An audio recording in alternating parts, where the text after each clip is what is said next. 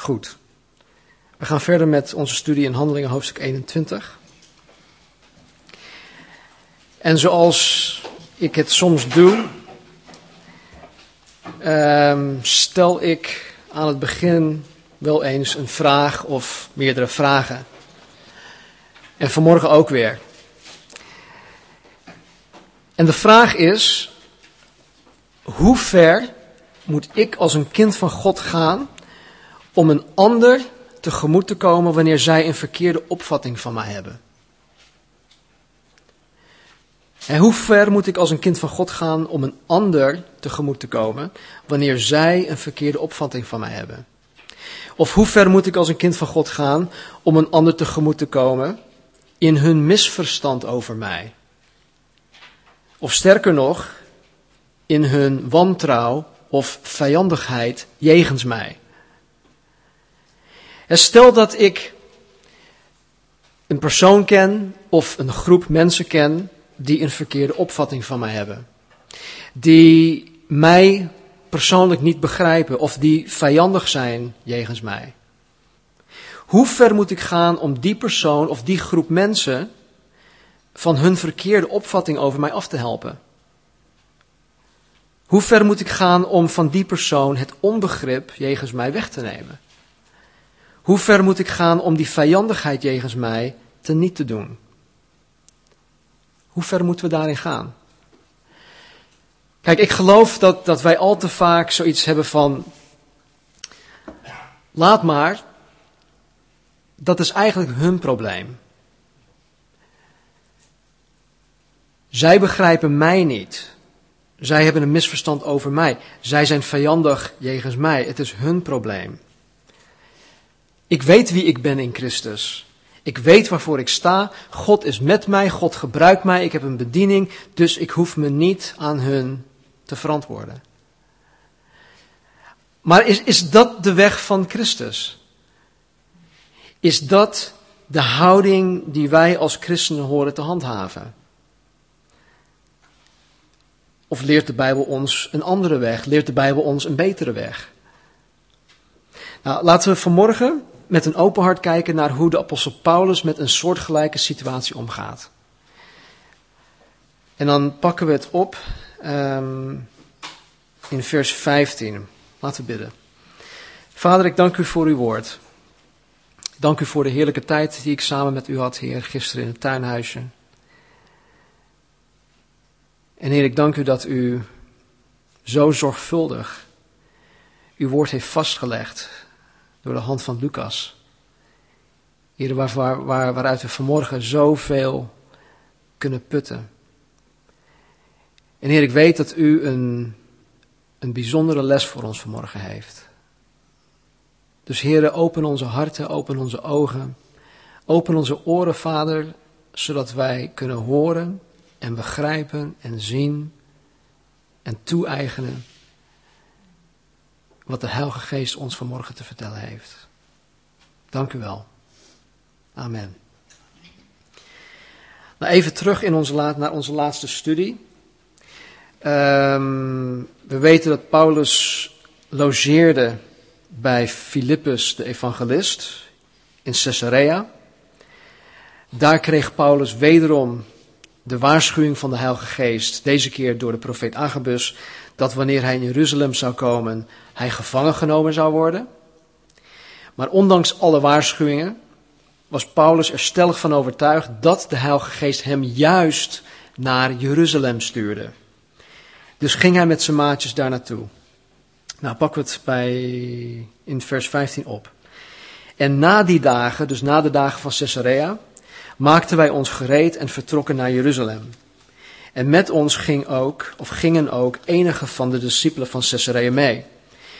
Die namen zeker Nason van Cyprus mee, een oude discipel, bij wie wij te gast zouden zijn, dus te gast in Jeruzalem. Nou, Paulus gaat nu verder op reis richting Jeruzalem met nog meer reisgenoten. De mannen uit hoofdstuk 20, vers 4, die waren met hem. En nu komen er nog een aantal bij vanuit Caesarea. Maar deze Nason van Cyprus die hier genoemd wordt, daar, daar weten we eigenlijk heel weinig van. hij wordt hier een oude discipel genoemd, wat inhoudt dat hij of een van de uh, originele 3000 gelovigen was die in Handelingen 2 tot geloof waren gekomen. Of dat hij kort daarna door de bediening van Barnabas tot geloof was gekomen. Want Barnabas was ook een, iemand van het eiland Cyprus. Dus we weten niet precies waar hij vandaan kwam, maar hij, is een oude discipel. Hij is dus vanaf het begin is hij tot geloof gekomen. Vers 17. En toen wij in Jeruzalem aankwamen, ontvingen de broeders ons met blijdschap. Weet je, het is zo fijn als je, of wanneer je op je plaats van bestemming aankomt en je een warm onthaal krijgt. Eh, dat de mensen blij zijn om je te zien. Dat je je welkom voelt, dat je je gewild voelt. En dat is elk, elk jaar weer, wanneer Marnie en ik naar, uh, naar, uh, de, naar Oostenrijk toe gaan, naar de castle. Dan zien we daar mensen en of het nu bekenden zijn of onbekenden, we weten ons altijd heel erg welkom. En het is net alsof we thuiskomen. Hé, hey, daar, oh, gaaf, daar heb je Stan en Marnie. Kijk, ook de auto van Nederland, we zagen je al aankomen. En nou joh, we worden dan echt, echt zo warm onthaald. Het is zo fijn. Het is zo fijn om dat, om dat mee te maken. En zo'n gemeente, ik zeg niet willen wij zijn, nee, zo'n gemeente, zo'n gemeente moeten wij zijn. Wij moeten mensen met blijdschap ontvangen. Wie dan ook. Uitzondering daar gelaten. En daar, daarbij bedoel ik mensen die hier niet thuis horen. En dat bedoel ik niet mensen van, uh, van onze gemeente of bezoekers. Maar als mensen ja, met kwade bedoelingen hebben om hier naar binnen te komen, die mensen, eh, wolven en schapenkleding, die mensen, die mensen moeten we natuurlijk niet met open armen verwelkomen. Ik vind het verschrikkelijk als ik ergens binnenkom en de mensen kijken je onverschillig aan. Of sterker nog, dat, je, dat ze je het gevoel geven van, joh, wat doe jij hier eigenlijk? Je stoort me. Verschrikkelijk is dat. Er is geen ruimte voor deze onverschilligheid in het koninkrijk van God. We horen gastvrij te zijn, mensen te verwelkomen. Er is er zeker geen ruimte voor, ja, voor lomp of horkig gedrag dat je soms ook meemaakt op sommige plekken. Mensen horen zich welkom te voelen. En zo werden Paulus en zijn vrienden door de broeders in Jeruzalem met blijdschap ontvangen. Vers 18. De volgende dag ging Paulus met ons naar Jacobus. En al de ouderlingen waren daar gekomen. En ze gingen naar het huis van Jacobus. Dit is Jacobus, de halfbroer van Jezus. In Marcus 6, vers 1 tot 3 staat er dit. Jezus ging vandaar weg en kwam in zijn vaderstad in Nazareth. Zijn discipelen volgden hem. En toen het sabbat geworden was, begon Jezus in de synagoge te onderwijzen.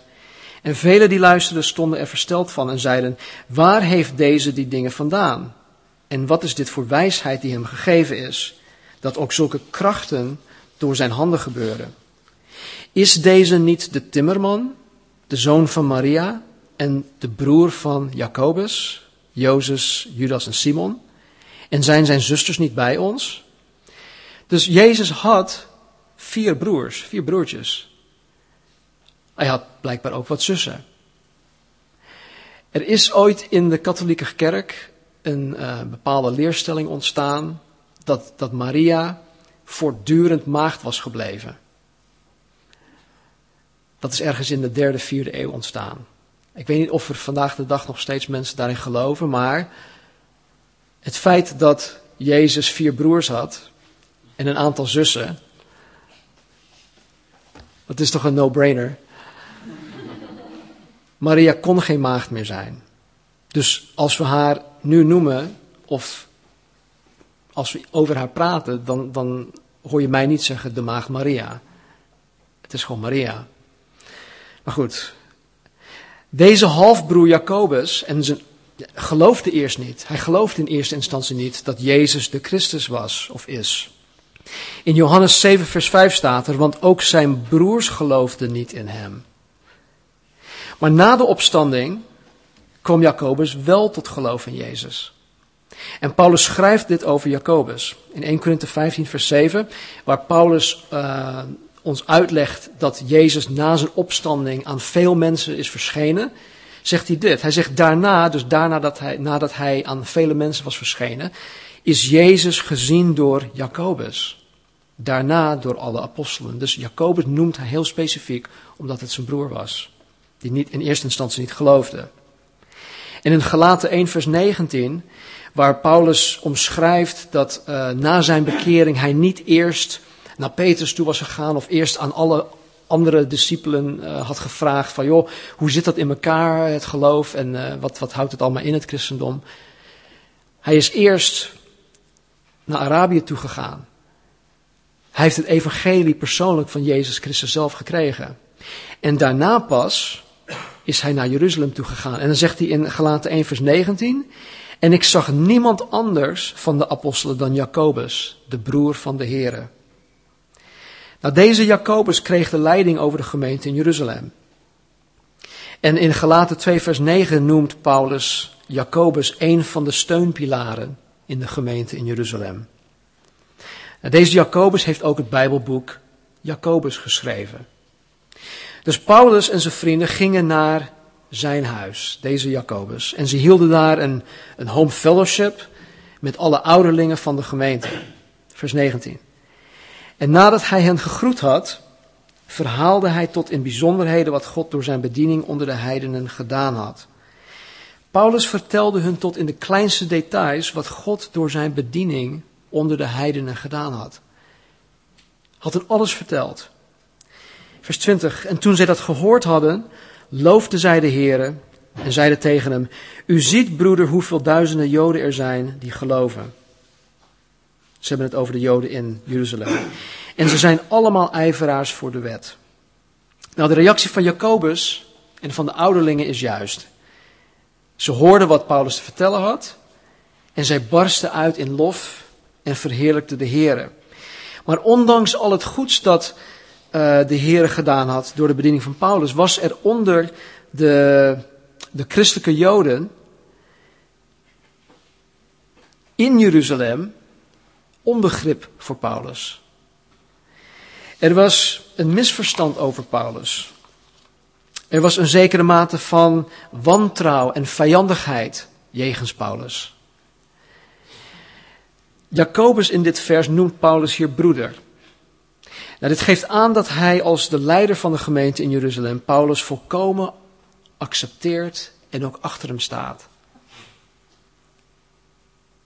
Jacobus heeft geen problemen met Paulus. Maar er waren tienduizenden Joodse gelovigen in Jezus Christus die zich nog steeds aan de wet van Mozes vastklampten. Of aan de rituelen, aan de ceremoniële dingen, aan de, de, de gebruiken. En dan, zegt, en staat er in vers 21, en men heeft hun, dus die tienduizenden Joodse christenen, men heeft hun over jou, Paulus, verteld dat je alle Joden die onder de heidenen wonen leert afvallig te worden van Mozes. Doordat u zegt dat zij de kinderen niet hoeven te besnijden en ook niet hoeven te wandelen overeenkomstig de gebruiken van de wet. Nou, het probleem hier is dat men over Paulus roddelde. De geruchten gingen rond dat Paulus leerde dat men zich niet hoefde te houden aan de wet van Mozes en de Joodse gebruiken. Maar Paulus was onschuldig. Hij maakte zich niet schuldig aan deze, aan deze dingen. Nergens lezen wij in het Nieuw Testament dat Paulus dit had gedaan. Wel leert Paulus ons in zijn brieven dat het houden van de wet van Mozes uh, je niet kan redden. De wet van Mozes kan je niet rechtvaardigen. Maar dat redding alleen maar mogelijk is door je geloof en vertrouwen op Jezus Christus. Maar waarom klampten deze, deze Joodse christenen zich nog zo vast aan de gebruiken van de wet van Mozes? Waarom bleven ze deze dingen doen? Nou, ik geloof dat het voor de mens heel erg moeilijk en voor sommigen zelfs onmogelijk is om zich los te maken van oude, van oude gewoontes. En daarom is iets wat een, een, een, een vriend van mij, ook een voorganger, ooit tegen mij gezegd heeft. Het is altijd bij me gebleven. Hij zegt, Stan, hij zegt, wanneer je een nieuwe kerk gaat starten, is het allerbeste om een kerk met ongelovigen te gaan starten. Waarom zei hij dat? Omdat een ongelovige persoon, die neemt geen religieuze bagage met zich mee. Die hoeft bepaalde dingen die hij geleerd heeft in andere gemeenten, het zij in katholicisme of, of andere hè, religies of andere stromingen. Hij hoeft deze dingen niet af te leren. Dus het is een soort van uh, vers uh, lomp, zeg dat goed, lomp klei, die gewoon gevormd kan worden. Hij hoeft niet eerst afgebroken te worden voordat hij opnieuw gevormd kan worden. En zo zien we dus ook met, met deze, deze Joden die tot geloof waren gekomen in Jezus Christus. Ze klampten zich vast aan de gebruiken en de rituelen van de wet van Mozes. En het was zo moeilijk zelfs voor die Joden om daarvan af te komen, dat God het nodig achtte om de Hebreeënbrief aan de Joden te sturen. De brief waarin de schrijver de relatie en de verschillen tussen het oude en het nieuwe verbond tot in de kleinste details uitlegt. Er was een zekere um, voorganger, theoloog, die heet uh, Donald Gray Barnhouse van de, vorige eeuw. Hij schreef over de Hebreeënbrief dat de Hebreeënbrief door God aan de Hebreërs gegeven was om hun te zeggen dat zij op moesten houden Hebreërs te zijn. Uiteindelijk kwam de traditionele Joodse vorm van aanbidding tot haar eind. In het jaartal 70 na Christus, toen de stad Jeruzalem en de tempel door de Romeinen verwoest werden. Dat was over.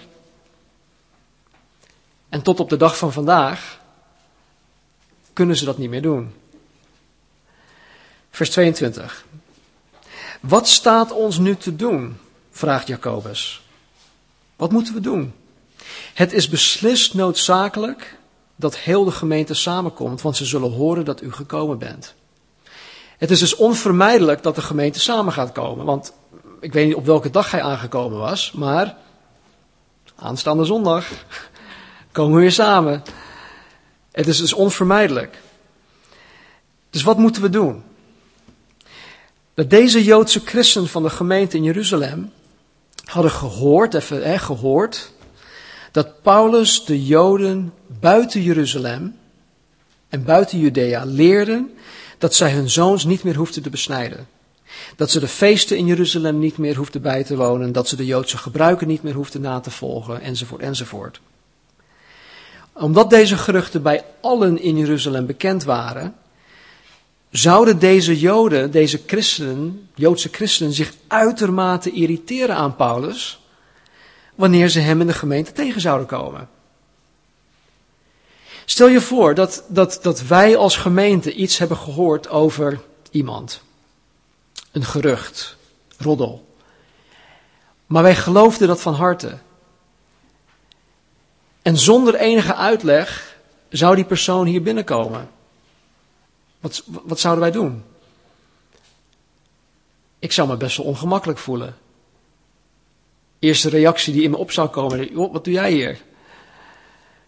Dus ik kan me voorstellen dat, dat, dat Jacobus een probleem had. Daarom, daarom zegt hij in vers 22, wat staat ons nu te doen? Ze komen samen, ze weten dat je er bent. Onder de Joodse christen van Jeruzalem was er wegens deze roddel een misverstand over Paulus. Er was onbegrip voor Paulus en er was een zekere mate van wantrouw en vijandigheid jegens Paulus. Dus Jacobus zegt nu min of meer, Paulus luister. Om hun te laten zien dat je te vertrouwen bent, moet je het volgende doen. Je moet het doen, luister. Vers 23. Doe daarom wat we u zeggen. We hebben vier mannen die een gelofte gedaan hebben. Neem die bij u, reinig u samen met hen, betaal voor hen de kosten van de offers, zodat zij zich het hoofd kunnen laten scheren en allen kunnen weten dat er niets waar is van wat aan hen over u verteld is, maar dat u zo wandelt dat u ook zelf de wet onderhoudt. Jacobus legt uit dat er vier mannen zijn die meest waarschijnlijk de Nazireër gelofte gedaan hebben. Ik weet niet of jullie het nog herinneren, maar in hoofdstuk 18 heeft Paulus ook een Nazireër gelofte gedaan. Dat is in hoofdstuk 18. Uh, eh, we hebben dat destijds uh, behandeld. Dat is studie 7044. Mocht je nog een keer willen beluisteren op de, op de internetsite. Ja, het wordt allemaal heel goed geregistreerd. Studie nummer 7044. Handelingen 18, de tweede studie van dat hoofdstuk. Maar goed, we, hebben, we zijn daar uh, dieper op ingegaan, dus ik ga daar vanmorgen niet dieper op in. Maar wat ik wel wil zeggen is dat het nogal veel geld kon kosten om zo'n gelofte te volbrengen. Mensen moesten een week lang vrijnemen van hun werk. Ze moesten offers brengen aan de tempel. En die offers die waren best wel prijzig. Het waren, het waren geen goedkope dingen. Het kostte hun veel geld. En het was gebruikelijk dat wanneer een man deze Nazireër gelofte gedaan had, dat iemand anders, iemand die het geld daarvoor had, de kosten hiervoor op zich nam. En zo geeft Jacobus het dringend advies aan Paulus om deze vier, om deze vier mannen te sponsoren. Om aan de gemeente te laten zien dat Paulus, net zoals zij, ijverig is voor de gebruiken van de wet van Mozes. Nou, dat vind ik op zich wel een, een, een mooi systeem. stel dat ik mezelf wil uitzonderen of afzonderen om God voor een bepaalde periode echt helemaal te gaan dienen. Noem het maar even een semester Bijbelschool. En dat een ander die het kan betalen, dat die voor de kosten opdraait. Kijk, die twee glunderen. nee, ik, ik, ik, ik, ik wil absoluut niet zeggen dat dat, dat dat bij het geval is. Maar het is een heel goed systeem. Ik zeg ook niet dat we dat hier moeten toepassen. Maar het is wel, of het wordt wel toegepast. Spreek een aantal van de Bijbelschoolstudenten, inziegen of anderen. En dan zullen ze je vertellen van joh, God heeft me geroepen om naar de Bijbelschool toe te gaan. Ik had er absoluut geen geld voor. En zelfs tot op de laatste week, voordat ik moest gaan, had ik het geld er nog niet voor. En in de laatste week kwam het geld ineens binnen. En dan had iemand het geld overgemaakt of, of, of wat dan ook. En soms zijn dat mensen die bekend zijn in, aan hun, maar soms ook anoniem. Maar dan zie je dus ook dat ook hier al, 2000 jaar geleden, dat dat, dat ook speelde. Dus dat vind, ik, dat vind ik wel gaaf. Maar goed. Door de valse beschuldigingen, beschuldigingen van, laat ik het even, wettische christenen noemen, die overtuigd zijn van hun eigen goedheid, gaan er nu dus geruchten rond over Paulus. Zijn deze geruchten waar? Absoluut niet. We lezen nergens in de Bijbel dat Paulus zich schuldig heeft gemaakt aan deze beschuldigingen. Geruchten zijn trouwens meestal, meestal, bijna altijd misschien, niet gebaseerd op feiten. Maar op halve waarheden, op vooroordelen en vaak op grote leugens. En wij als mens zijnde zijn heel gauw geneigd om geruchten te geloven. Zo zitten wij gewoon in elkaar. En want stel dat je een vooroordeel over iemand hebt en dan krijg je van die en die te horen of iets te horen over die persoon dat jouw vooroordeel bevestigt. Wat is je eerste reactie daarover? Van, Zie je nou wel? Ik had toch gelijk? Misschien zeg je dat niet, maar je denkt het wel. Dus we zijn heel gauw geneigd om geruchten en roddels te geloven. En zo ging dat dus ook met Paulus. Dus Paulus bevindt zich nu in een situatie waar hij van twee kanten moeilijkheden kan verwachten. Aan de ene kant de vijandige, ongelovige Joden die antichrist zijn. En aan de andere kant de Joodse christenen die de geruchten over Paulus geloofden. Nou, wat de geruchten betrof, was Paulus 100% onschuldig. En waardoor Paulus het goed recht had om zich niets van deze geruchten aan te trekken. Paulus kon net zo goed zeggen van, weet je, ik, ik hoor het allemaal aan, maar het is eigenlijk hun probleem. Ik ben onschuldig hierin. God is mijn getuige. Waarom zou ik me hierdoor laten storen? Hij kon ook een hele andere houding aannemen.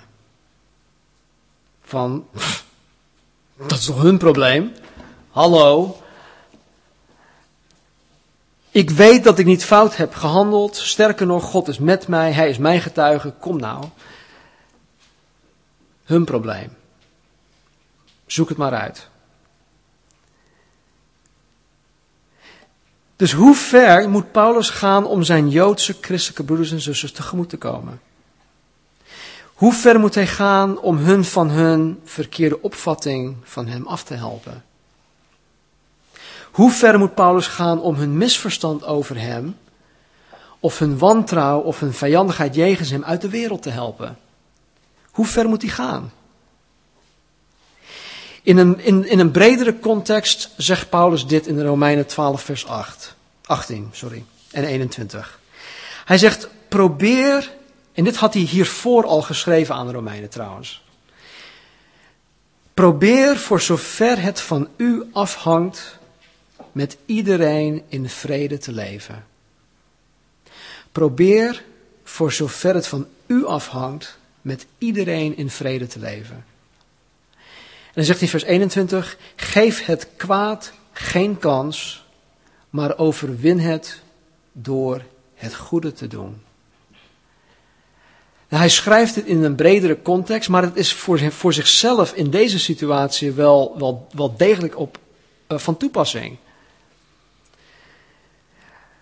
Want nu bevindt hij zich in, in, een situatie waar hij dit kan toepassen. Voor, voor zover het van mij afhangt, moet ik er alles aan doen om mijn broeders en zussen tegemoet te komen. Niet zozeer om mezelf te helpen, maar om hun van hun probleem af te helpen. Het probleem die zij met mij hebben. Hij draait het helemaal om. In 1 Korinthe hoofdstuk 9, vers 19 tot 22, zegt Paulus dit. Hij zegt, want hoewel ik een vrij man ben, heb ik mij aan alle mensen ondergeschikt gemaakt om er zoveel mogelijk voor Christus te winnen. Als ik bij de Joden ben, leef ik als een Jood om hen voor Christus te winnen. Als ik bij mensen ben die zich aan de wet van Mozes houden, houd ik mij er ook aan, omdat ik hen voor Christus wil winnen. Als ik bij mensen ben die niet volgens de wet van Mozes leven, houd ik mij er ook niet aan, omdat ik hen voor Christus wil winnen. Maar dat wil niet zeggen dat ik zonder Gods wet leef. Voor mij geldt de wet van Christus. Als ik bij zwakke mensen ben, laat ik niet merken dat ik sterk ben. Om hen voor Christus te winnen. Ik heb mij aan al die mensen aangepast om in ieder geval enkele van hen te redden. Nou, dit geldt zeker voor degenen die buiten het koninkrijk staan. Maar dit geldt ook voor ons die binnen het koninkrijk staan. Mijn doel is altijd om mensen te winnen. Of het nu iemand te winnen is voor het koninkrijk die, buiten, die nog buiten staat, om het koninkrijk binnen te halen. Of dat er, als er oneenigheid is tussen ons, wil ik geen afstand houden van die persoon. Ik wil die persoon winnen voor Christus. Dus hoe ver moet Paulus gaan? Want hij wilde de, de, zijn christelijke broers, zijn Joodse broers en zussen, hij wilde hun winnen. Hoe ver moest hij gaan? Hoe ver moest Paulus gaan? Hoe ver moet ik gaan? Hoe ver moeten wij gaan? Heel ver. Kijk naar wat Paulus doet, vers 26. Toen nam Paulus de mannen mee en de dag daarna reinigde hij zich met hen, ging de tempel binnen, maakte bekend wanneer de dagen van de reiniging vervuld zouden zijn, namelijk wanneer voor ieder van hen het offer zou worden gebracht. Paulus schrijft het niet alleen, zoals er staat in de Romeinen en de Korinthebrief.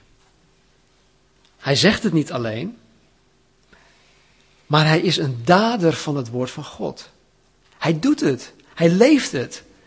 En we zien hem hier in dit voorbeeld in Handelingen 21. We zien hem het leven. We zien, we zien hem het doen.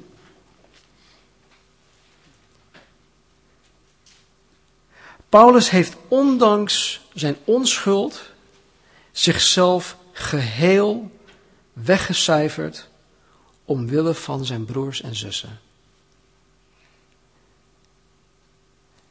Dat is de gezindheid, dat is de hartsgesteldheid die God van ons verlangt als gemeente.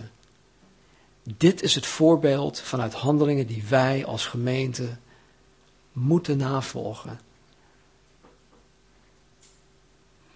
Want er zullen momenten komen dat er oneenigheid zal ontstaan tussen ons, onder ons.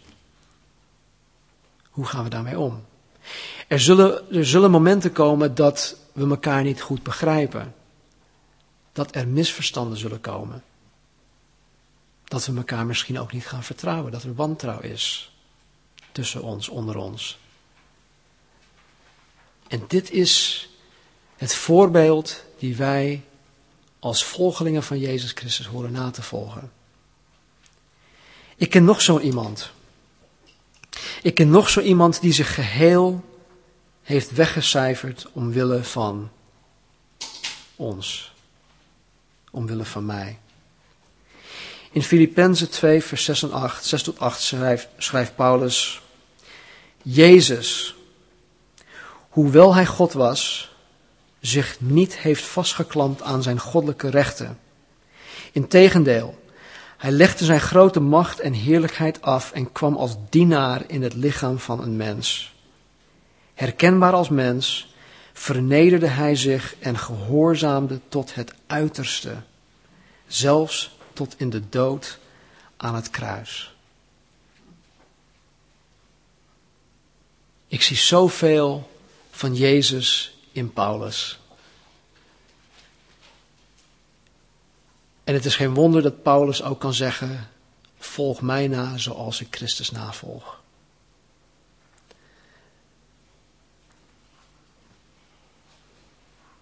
Het is mijn verlangen dat, dat ik, dat wij, dat ook van harte zouden kunnen zeggen tegen een ander. Volg mij na zoals ik Christus navolg.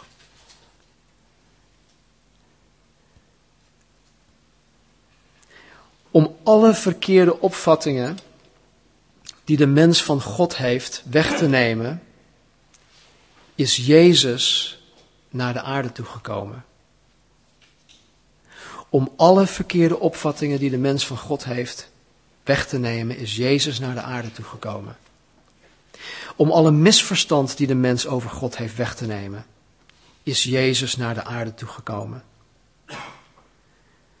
Om de vijandschap tussen God en de mens weg te nemen, is Jezus naar de aarde toegekomen. Om mij, om jou van mijn zonde en de dood af te helpen, is Jezus zo ver gegaan dat hij zich gehoorzaamde tot het uiterste. Hij heeft zich gehoorzaamd aan de Vader tot het uiterste, zelfs tot in de dood aan het kruis. In Hebreeën hoofdstuk 12 staat er dat Jezus, of ik zal het even voorlezen.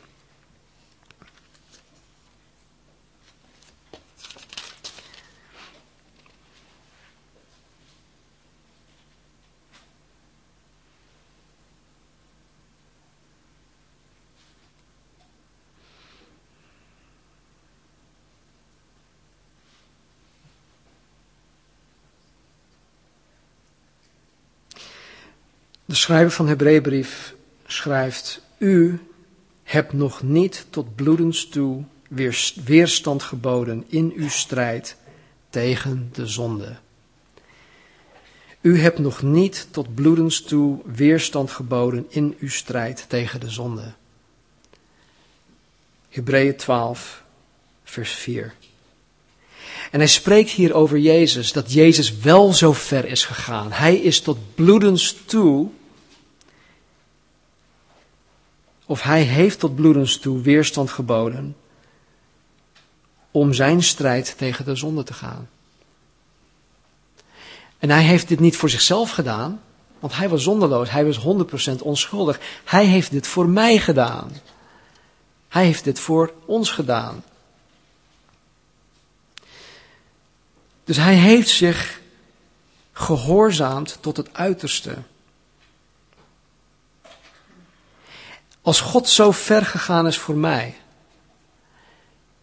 wie ben ik dan om niet tot het uiterste te gaan, om mijn broeders en zusters tegemoet te komen in hun misverstanden, in hun verkeerde opvattingen, in hun vijandigheid, in hun zwakheid.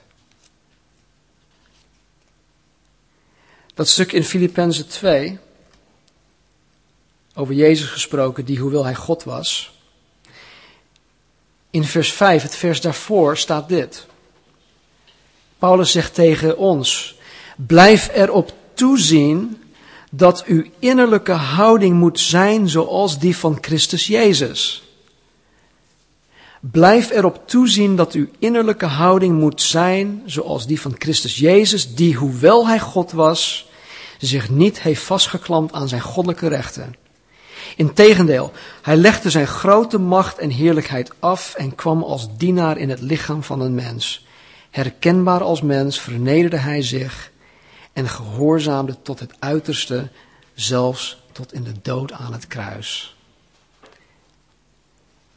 Dit is een memory verse. Onze kinderen in de zondagschool leren elke week een memory verse. Filippenzen 2, vers 5 tot en met 8. Memory verse. Leer het je aan, onthoud het. Schrijf het op je hart. Blijf erop toezien dat uw innerlijke houding moet zijn zoals die van Christus Jezus. We gaan zometeen heilig avondmaal vieren. En ik zat te denken om het vanmorgen anders te doen. Ik weet niet of het praktisch is. Um, ja, deze ruimte leent zich daar ook niet echt voor.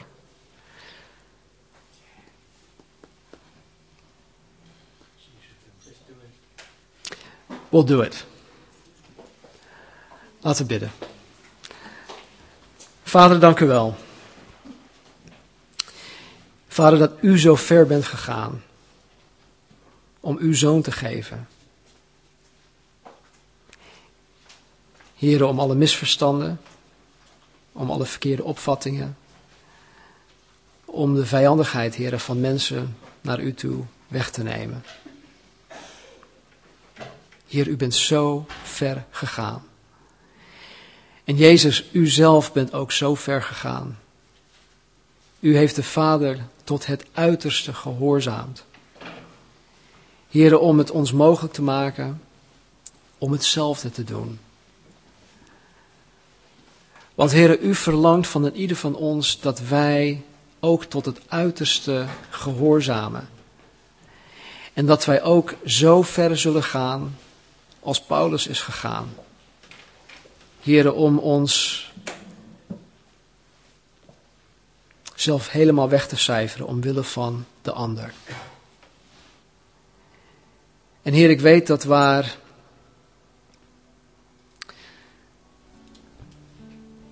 Ja, dat waar wij het moeilijk vinden. Heer, dat we zoiets kunnen hebben van. Ja, maar dat is hun probleem.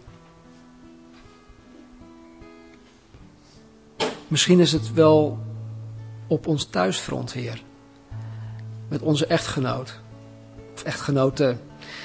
Of misschien is het onder vrienden. Of misschien is het onder broers en zussen. Of vader- en kindrelaties. Heren, in welke relatie het ook zou kunnen zijn. Vader, laat ons, help ons om echt tot het uiterste te gaan.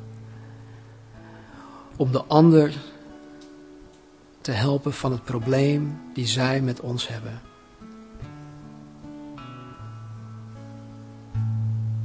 Want Heer, u weet, Heer, u wist dat de mens een gigantisch probleem had. En u, Vader, bent tot het uiterste gegaan om uw zoon te geven. En Jezus, u bent tot het uiterste te gaan, gegaan om de Vader te gehoorzamen. Zo, heren, wie zijn wij? Heren, om koppig te zijn.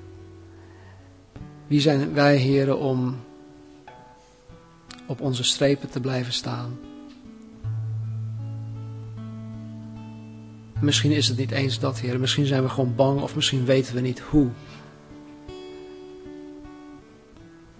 Misschien is het simpelweg onwetendheid of onkunde of vrees of angst dat ons weerhoudt van naar die persoon toe te stappen. Om jezelf weg te cijferen. Help ons, Heer. En help ons, Heer, wanneer we heilig avondmaal nemen, Heer, dat help ons om U te zien. Heer Jezus, dat U ons het ultieme offer heeft gegeven.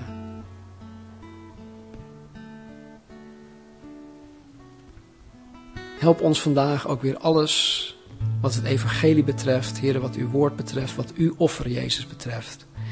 Help ons al deze dingen weer op scherp te zetten.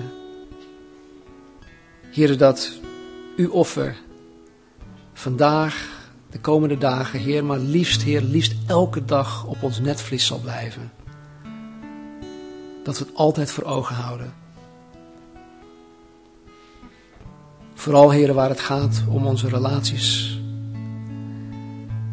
naar elkaar toe. En vooral, Heer, onze relatie met U. Zo, Heer, help ons. Help ons, heren, wanneer we ook heilig avondmaal tot ons nemen, heren, dat we al biddend, heren, vergeving vragen waar het nodig is. Heren, dat u ons zal reinigen met het bloed van Jezus Christus. En heren, laat vanmorgen een nieuwe start zijn. Geef ons een nieuw begin vanmorgen. Dank u wel. In uw naam, in Jezus' naam. Amen.